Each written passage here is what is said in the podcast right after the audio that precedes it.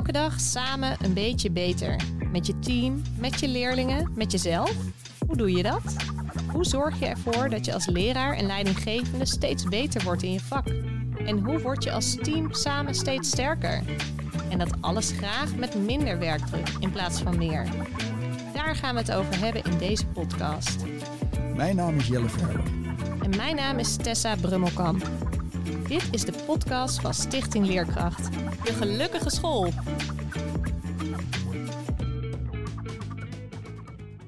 Ja, daar staan we weer in Utrecht, eh, Tessa, voor eh, weer een nieuwe leerkrachtpodcast eh, van de Gelukkige School. En we hebben weer een nieuwe gast in de studio hier. Zeker weten. En dat is Marjolein Mulders, schoolleider van basisschool De Klimop in Purmerend. Leuk om te vertellen dat Marjolein al sinds 2013 bekend is met leerkracht. Ze werkte toen als leraar op een van de pilotscholen. Dus de scholen die eh, als eerste met leerkracht te maken kregen. De Marimba in Purmerend. En later ben je schoolleider geworden. Ja, klopt. Van harte welkom hier. Eh, heel fijn dat we van jou mogen gaan leren vandaag. Nou, dankjewel. Ik vind het ook heel leuk om hier te zijn en hier eh, aan deel te nemen. Nou, we staan hier met eh, koptelefoons op. Jij zei net al, het ziet er professioneel uit. Nou, heel professioneel. Ja. En ondertussen leren we ook van alles bij. Natuurlijk gaan we naar de, de startvraag van deze podcast. En dat is, waar word jij gelukkig van? ja, ik word echt gelukkig van een gelukkig team. Dus als ik kan werken met mensen die eh, zich fijn voelen op school, die trots zijn op de school, die zich onderdeel voelen van de school en echt willen samenwerken eh, met de directie om eh, ja, het onderwijs iedere dag een beetje beter te maken. Daar word ik het meest gelukkig van. Super. En we gaan het in deze podcast hebben over gedeeld leiderschap. Want we vragen bij deze podcast elke keer aan onze gast: wat is het thema waarover je met ons in gesprek wil? Eh, jij noemde gedeeld leiderschap. Nou, dat gaan we zo verder introduceren. We gaan het onderwerp wat uitdiepen. Vervolgens gaan we wat voorbeelden de revue laten passeren. Eh, natuurlijk komt er weer een nieuwe verbetertip langs. En we sluiten af met hoe doe je dat nou zelf eh, op school. Eh, maar eerst dat onderwerp, uh, Maris. Wat, wat is er aan de hand met gedeeld leiderschap en waarom wilde je het daarover hebben? Nou, gedeeld leiderschap is denk ik een van de successleutels om ook een, tot een gelukkig team te komen. Ik denk als je mensen goed in hun vel wil laten zitten, als je mensen echt gepassioneerd wil laten werken, moet je ze onderdeel maken van het proces. Moet je ze ruimte geven om mee te beslissen, om mee te denken, om uh, fouten te maken, te leren, samen op te staan. Uh, te ervaren dat je echt met elkaar bezig bent om die verbetercultuur goed neer te zetten. En dan gaan mensen vliegen. Als ze het vertrouwen krijgen, als ze voelen dat ze onderdeel zijn, dat ze ertoe doen, uh, ja, dan, dan, dan gaat het echt als een trein, hebben wij ervaren. Mooi. En, en wat zie je op zo'n school waar, uh, waar sprake is van gedeeld leiderschap? Of misschien even nog voor de mensen die uh, die het begrip nog niet zo goed kennen. Mhm. Mm -hmm. is, er, is er een definitie van te geven? Of, of wat, wat betekent dat precies, uh, gedeeld leiderschap? Ja, nou ik denk dat ik nu niet meteen de theoretische definitie van gedeeld leiderschap kan uh, opdiepen. Maar voor mij betekent het, zeker als directielid van de Klimop, ja. is dat je dus niet als alleenheerser of alleenbeslisser bepaalt wat is goed onderwijs en hoe gaan wij dat met elkaar inzetten. Maar dat je echt met elkaar de beslissingen neemt. Uiteindelijk ben je wel eindverantwoordelijk, uiteraard. Maar je bent geen alleenheerser of alleenbeslisser. En dat is wat gedeeld leiderschap voor mij betekent. Oké, okay, dankjewel. En, en wat zie je dan op jullie school? Je ziet um, betrokkenheid. Je ziet verbinding. Waar wij echt heel erg blij mee zijn en ook echt heel dankbaar voor zijn, is dat wij een team hebben wat er echt staat met elkaar. En dat zie je zeker in tijden van tegenslag, zoals nu met corona. Er is natuurlijk een heleboel gedoe op de scholen. En we krijgen ook terug van ouders, en dat is heel mooi, dat ze zeggen, ja, maar zoals jullie er ook staan met elkaar, het voelt ook alsof jullie het dragen met elkaar. Het is een, uh, een probleem, we moeten ermee dealen, maar jullie staan er niet alleen voor. Jullie staan er als school, jullie staan er als team, jullie steunen elkaar, jullie, jullie verzinnen oplossingen met elkaar. Uh, en dat straalt blijkbaar ook naar buiten toe uit, en dat is super fijn. Dat is wat je bij ons ziet. Wat zie je aan de leerlingen? Of wat merk je aan leerlingen? Nou ja, ik, ik hoop natuurlijk op ontzettend blije, gelukkige leerlingen. Uh, ik hoop dat ze daarin een soort rolmodel zien en een soort voorbeeld zien Van hoe je dus met elkaar ehm, nou, een organisatie kunt runnen, problemen kunt oplossen, eh, voor elkaar kunt zijn, elkaar kunt steunen. Eh, ik denk dat de leerlingen dat ook zien in de manier waarop collega's samenwerken, hoe ze hulp vragen bij elkaar, hoe ze natuurlijk regelmatig bij elkaar in de klas komen kijken. Dat het heel normaal is dat de juf van de andere groep even naar een les komt kijken. Ehm, op het leerplein hoe wij werken, hoe, hoe juffen ook, en meesters uh, de leerlingen van elkaars groepen kunnen aanspreken en helpen en ondersteunen. En ik hoop dat de leerlingen daarin ook echt terugzien hoe dat gedeeld leiderschap in zijn werk gaat. En hoe je er kunt staan met elkaar. En dat het niet één leerkracht voor één groep is, maar we zijn één school. En natuurlijk heeft iedere klas zijn eigen juf of meester, maar de school is van ons allemaal. Wat gaaf. Het klinkt echt, jullie staan er samen voor, voor alle leerlingen. Ja. In plaats van voor je eigen klas. Absoluut. En dat is denk ik ook hoe mijn collega Ingrid en ik, wij zijn dan een duo-directie bij ons op school uh, ervoor willen zijn, ook voor ons team. Wij hebben altijd gezegd, wij zijn geen directie wat voor ons team gaat staan. Wij zijn een directie wat naast en achter ons team gaat staan. Want de leerkrachten, die maken het onderwijs. En wij moeten hen daarbij ondersteunen om iedere dag het onderwijs steeds een beetje beter te maken. Dat doen wij zelf niet. Wij staan niet voor de groep. Wij zijn niet meteen met die kinderen rechtstreeks in contact.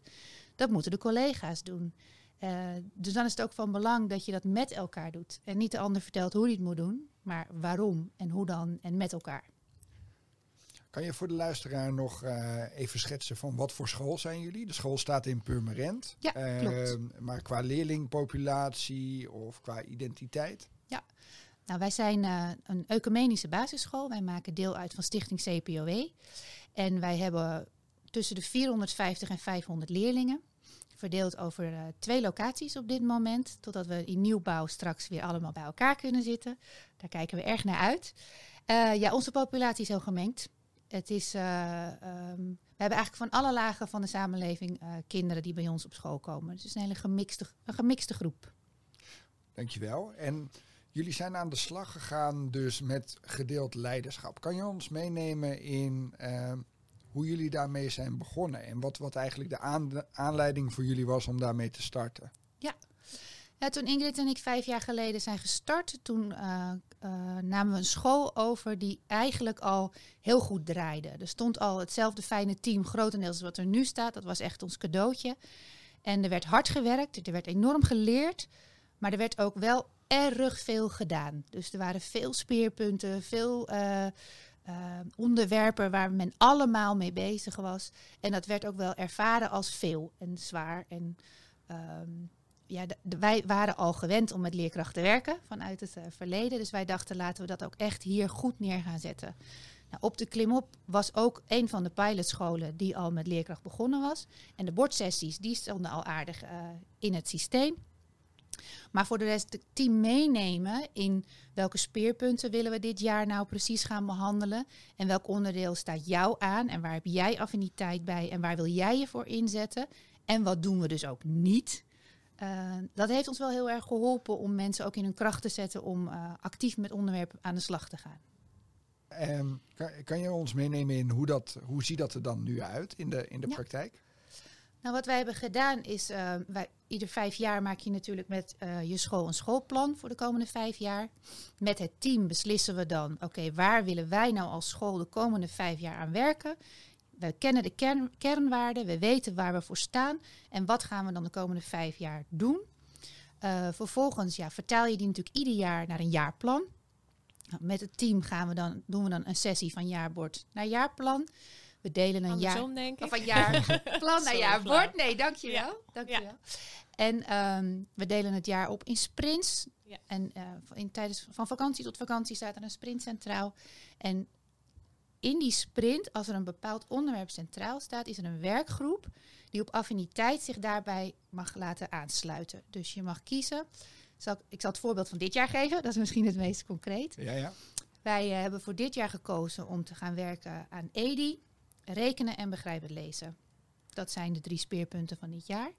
Waarbij EDI en rekenen eigenlijk ook al wel punten zijn waar we al eerder aan hadden gewerkt, maar wat nooit echt tot goede verdieping kwam. Hmm. Dus we hebben gezegd, we gaan EDI het hele jaar door centraal stellen. En tijdens iedere sprint komen er een aantal stappen van EDI die centraal staan.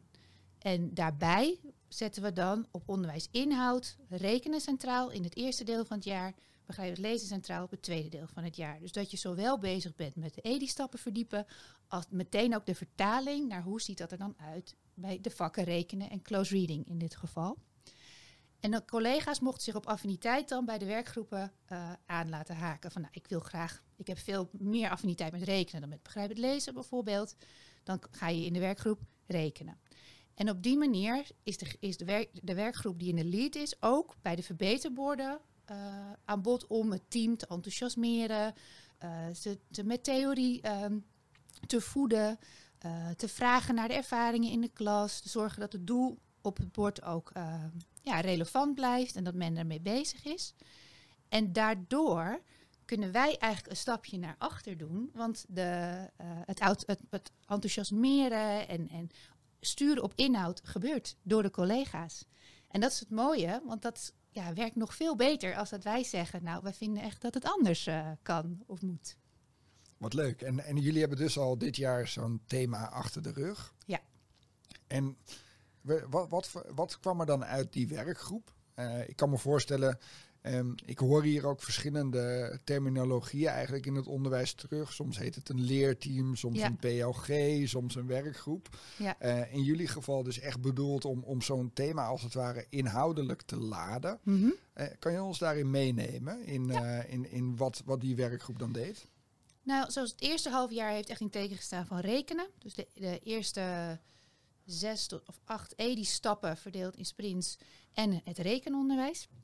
En waar wij vorig jaar al achter waren gekomen is dat onze methode, die werd sowieso, raakte die verouderd, maar was ook niet meer helemaal passend bij hoe wij ons onderwijs wilden geven.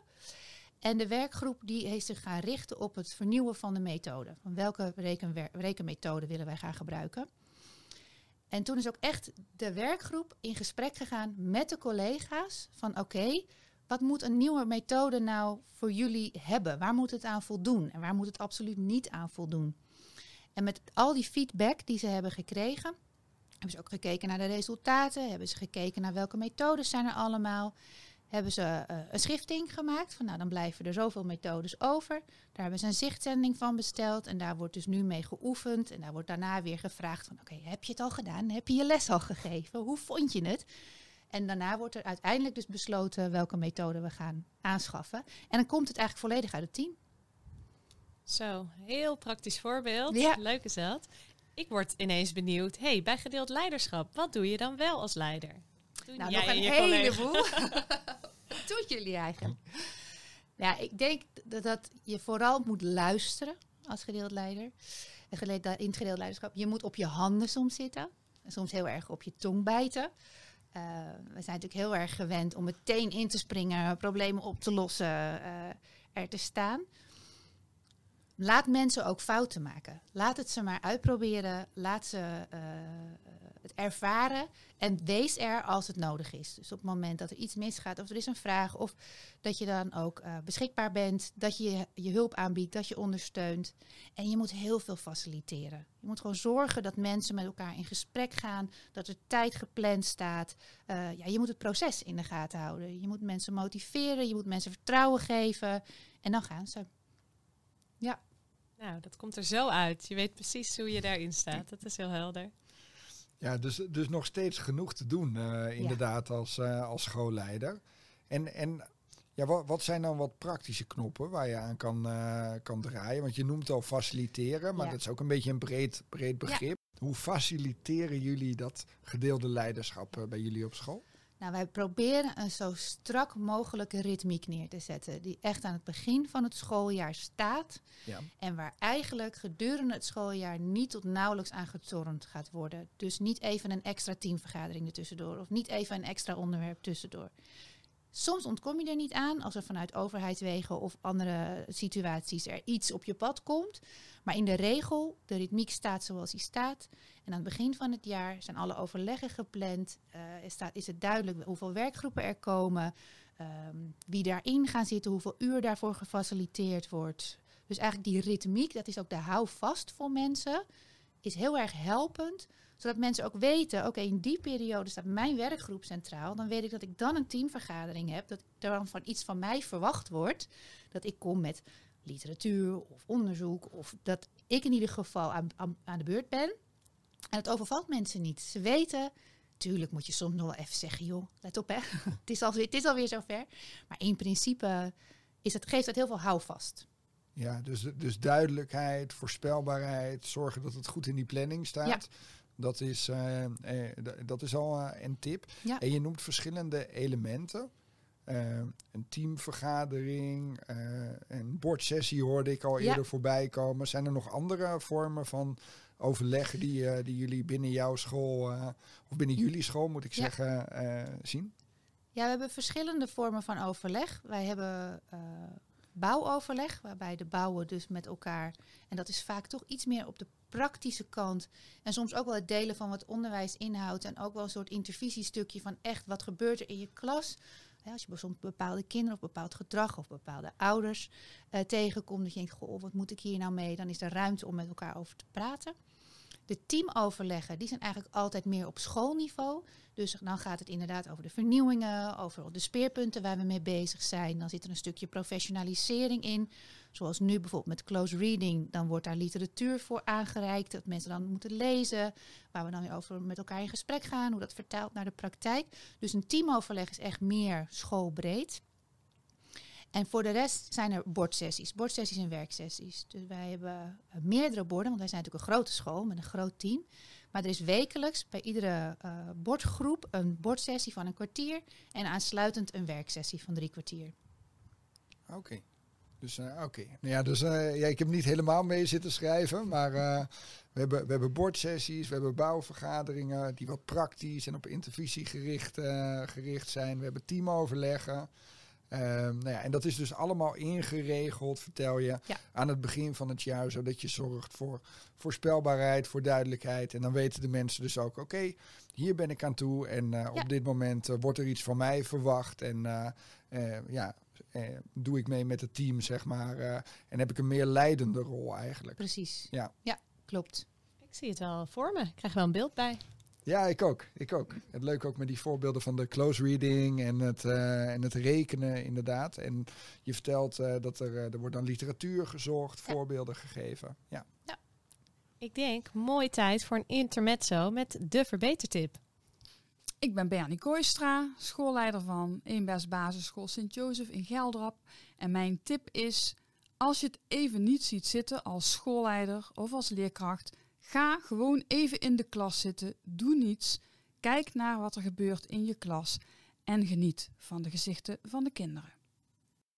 Eh, wat, wat heeft jou verbaasd tijdens deze route? Nou, ik denk wat mij, ja, of het me verbaasd heeft, het heeft me in ieder geval verblijd, is eh, wat het, de bijvangst is, zeg maar het neveneffect. Wij hebben heel erg ingezet op, die, op dat gezamenlijke leiderschap, dat gedeeld leiderschap, zodat mensen in hun kracht komen te staan en zich mede-eigenaar voelen en gepassioneerde werken. Want ja, als je dan eh, doet wat je leuk vindt, ervaar je veel minder die druk dat het allemaal moet. Maar als bijvangst kwam er een enorme verbinding in het team. Men voelde zich echt met elkaar verbonden van... het is niet de directeur die het doet en wij voeren het uit. Wij zijn de school. Wij doen het samen. En zoals nu, met die coronatoestanden... en er moet vervanging geregeld worden... Ja, dan is er zoveel meewerkendheid en welwillendheid... en mensen die eh, inspringen voor elkaar, groepen opvangen. Het gebeurt zelfs wel soms dat wij gebeld worden... en dat iemand positief test bijvoorbeeld... En dan zegt, maar het is alleen maar dat je het weet hoor, want die en die komt dan die, en die dag en die komt dan die dag. En het is alweer helemaal opgelost, maar eh, dan weet je wel hoe het opgelost is. En dat is echt voor ons het grootste cadeau, zeg maar, wat we erbij gekregen hebben. Is dat mensen zich echt mede verantwoordelijk voelen. En dus niet alleen voor die inhoud, maar eigenlijk ook voor de organisatie. Ja, dus je, dat klinkt ook alsof je gewoon hele krachtige teams inderdaad hebt die gewoon zelf zoeken naar oplossingen eh, op het moment dat er problemen voor liggen. En dat is natuurlijk ja, niet alleen voor jou als leidinggevende fijn lijkt me, maar gewoon voor de hele, ja, voor de hele organisatie en de Ja. hele school. Absoluut. Leuk. Ik, ik las ook nog uh, een, uh, een van, dat heet de schoolleiders van de toekomst. Nou, jij bent vast ook een schoolleider uh, van de toekomst, denk ik zo.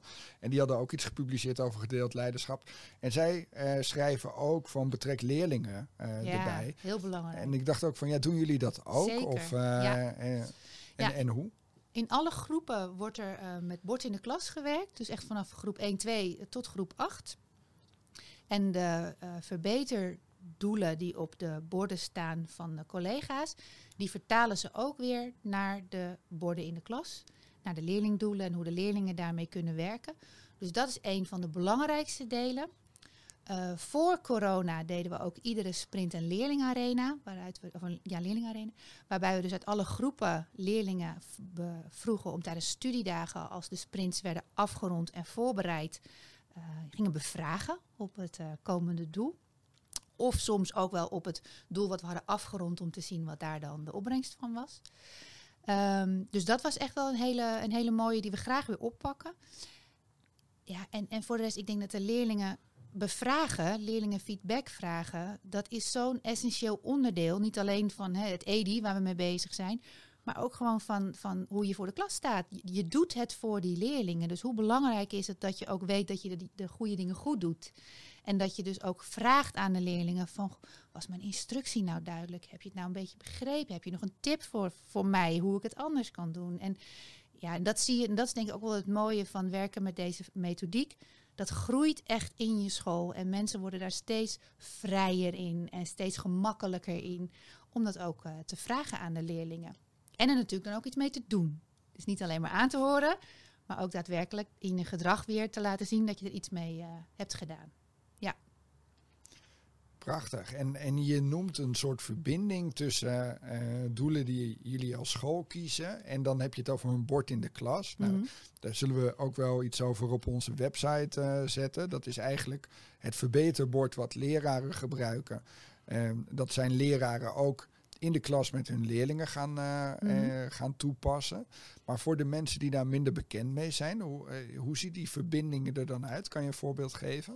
Nou, soms is die verbinding heel sterk. Dus als we met een doel bezig zijn, wat ook echt meteen daadwerkelijk de leerlingen raakt, dan vertaalt die uh, uh, rechtstreeks. Soms is die wat minder sterk, want dan gaat het bijvoorbeeld echt op vakdidactiek of om theorie. Ja, dat kun je slechter vertalen, maar dan worden de borden vaak ingezet op de praktische kant van een klas. Nou, en met een verbeterbord in de klas wordt echt gewerkt met de leerlingen aan het doel wat zij met elkaar willen verbeteren. En dat kan gaan van minder ruzie tijdens het buitenspelen. En hoe kunnen we dat nou doen? En laten we met elkaar eens bedenken, wat zouden wij kunnen doen om dat voor elkaar te krijgen? En dan na het buitenspelen te gaan turven van hoe is het nou gegaan? En wat kan er dan eventueel beter? Maar het kan ook gaan tot het verhogen van de opbrengsten. Als je bijvoorbeeld kijkt naar uh, groep 7 en 8, als je het hebt over eindadviezen. Van jongens, hoe staan we er tegenover? Hè? Jullie weten waar je heen wil. Uh, wie heeft dat eigenlijk al als voorlopig advies gekregen en wie nog niet? En wat wil je dan nog doen? En wat hebben we dan nog te doen? En wat zouden we dan kunnen doen? Nou, en zo probeer je doelen met de kinderen uh, op het bord te zetten, waar ze ook daadwerkelijk invloed op kunnen uitoefenen om dat te veranderen en te verbeteren. Dus dat is ook een vorm van gedeeld leiderschap van de leraar met de leerlingen, uh, ja. zou je kunnen ja, zeggen. Zeker. Ja. ja.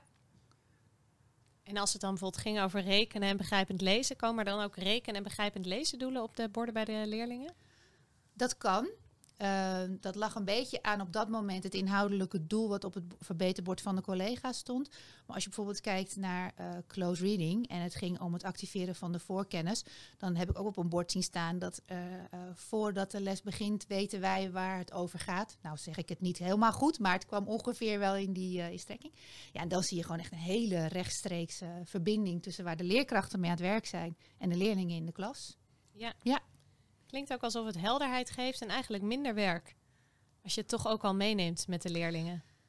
Ja, ik weet niet of het minder werk is. Want ja, er, is, er gaat natuurlijk nog steeds heel veel werk in zitten en voorbereidingstijd en uh, tijd vrijmaken om dat gesprek met die leerlingen te voeren. En dat, die bordsessie daadwerkelijk uit te voeren. En niet te denken, oh, ik heb het nu nog heel druk, ik skip hem even. Ehm, ja, ik, ik denk dat als je met zoveel plezier je werk doet en als je zo uh, rechtstreeks kunt zien wat het effect daarvan is, dat je het nog steeds wel heel druk met je werk hebt, maar dat je het niet meer als werkdruk ervaart. En dat je het daardoor minder zwaar vindt. Kijk, dat is precies wat interessant is om te weten.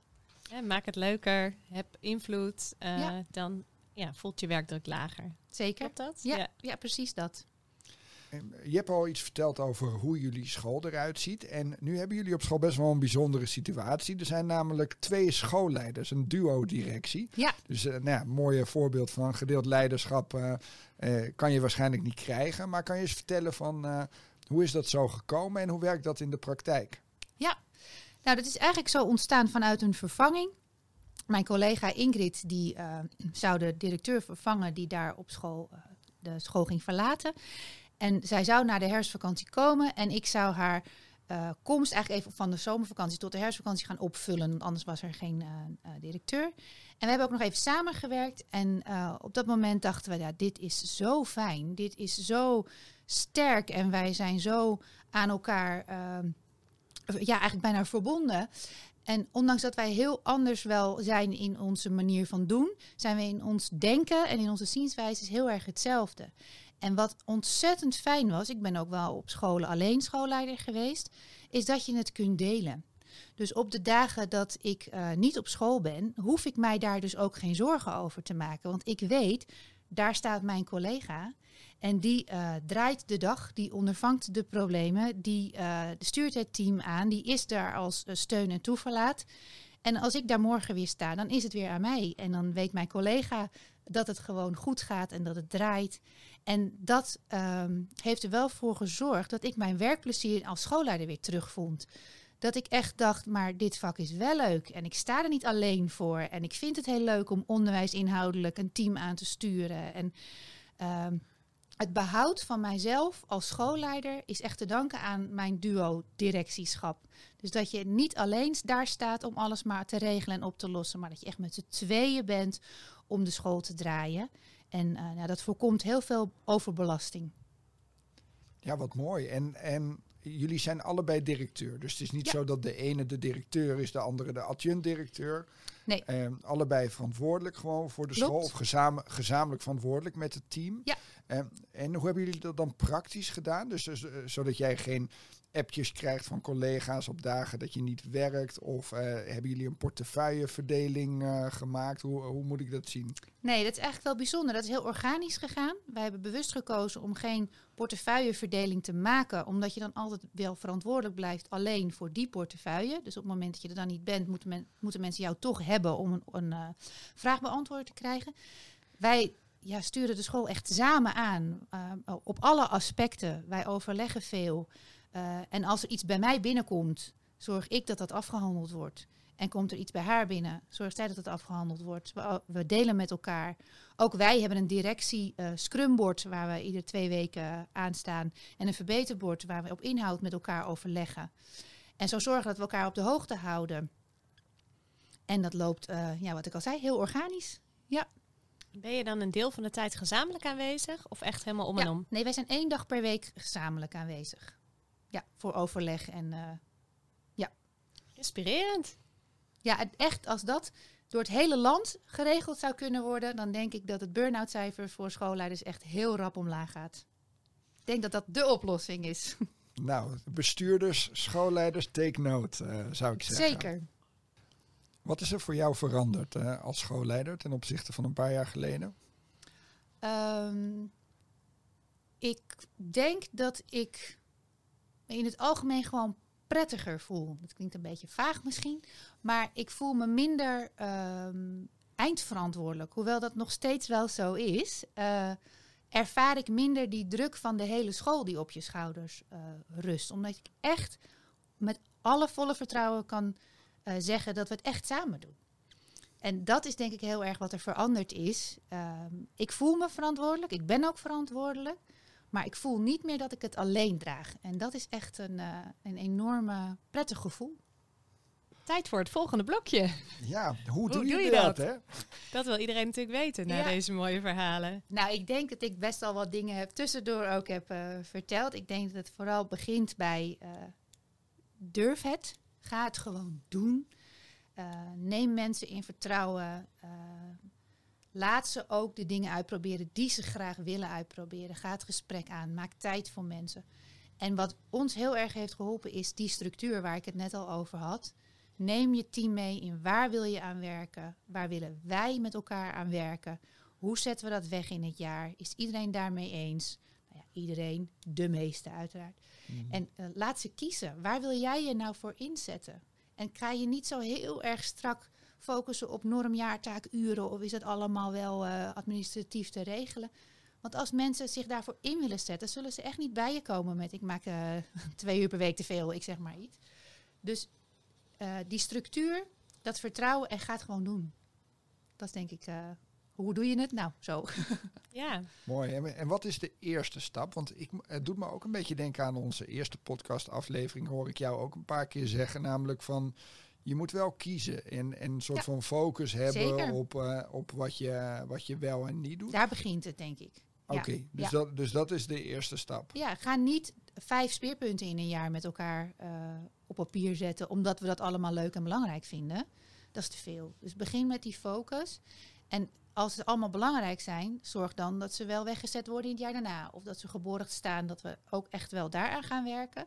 Maar je kan in een jaar maar zoveel doen. Dus die focus is heel belangrijk. Waar kiezen we dit jaar voor en waar gaan we dit jaar mee aan de slag? Oké. En zijn er nog bepaalde aspecten waar je rekening mee moet houden? Beetje in de, in de categorie van eh, de do's en de Ja. don'ts. Nou ja, niet iedereen is van nature gewend om op die manier te werken.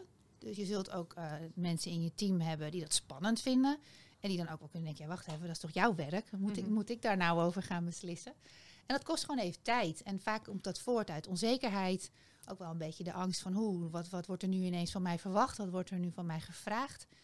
En ik denk als je daar het gesprek mee aangaat, daar ook wel wat ruimte en tijd voor geeft, dat ze ook zien van collega's wat het effect daarvan dan is op je werkplezier, dan ehm, als het een olievlek gaat het dan door je school heen. Wauw, ik word er stil van. Eigenlijk is het ook een beetje een podcast over werkplezier geworden. Ja, ook wel ja. Ja, ook wel, hè, inderdaad. En, Ja. nou, en ook over werkdruk, dat het, eh, ja, dat het ook anders voelt. Ja, voor, eigenlijk van werkdruk naar werkplezier, inderdaad. Ja. Dat het anders voelt als je meer invloed en meer eigenaarschap hebt. En, en daar gewoon samen met elkaar hele heldere afspraken over maakt. Ja, Ik heb het idee dat we alles gevraagd hebben, Marjolein. Heb jij nog een laatste vraag? Nee, ik, eh, ik denk het ook. Heel veel dank voor je komst, al je wijze lessen. nou graag gedaan. Leuk dat ik eh, hier aan mee mocht doen. Dit was de Gelukkige School podcast. Wil je onze volgende podcast niet missen? Abonneer je dan. En heb je feedback of een suggestie voor een volgend onderwerp? Geef het door of laat een recensie achter in de podcast app.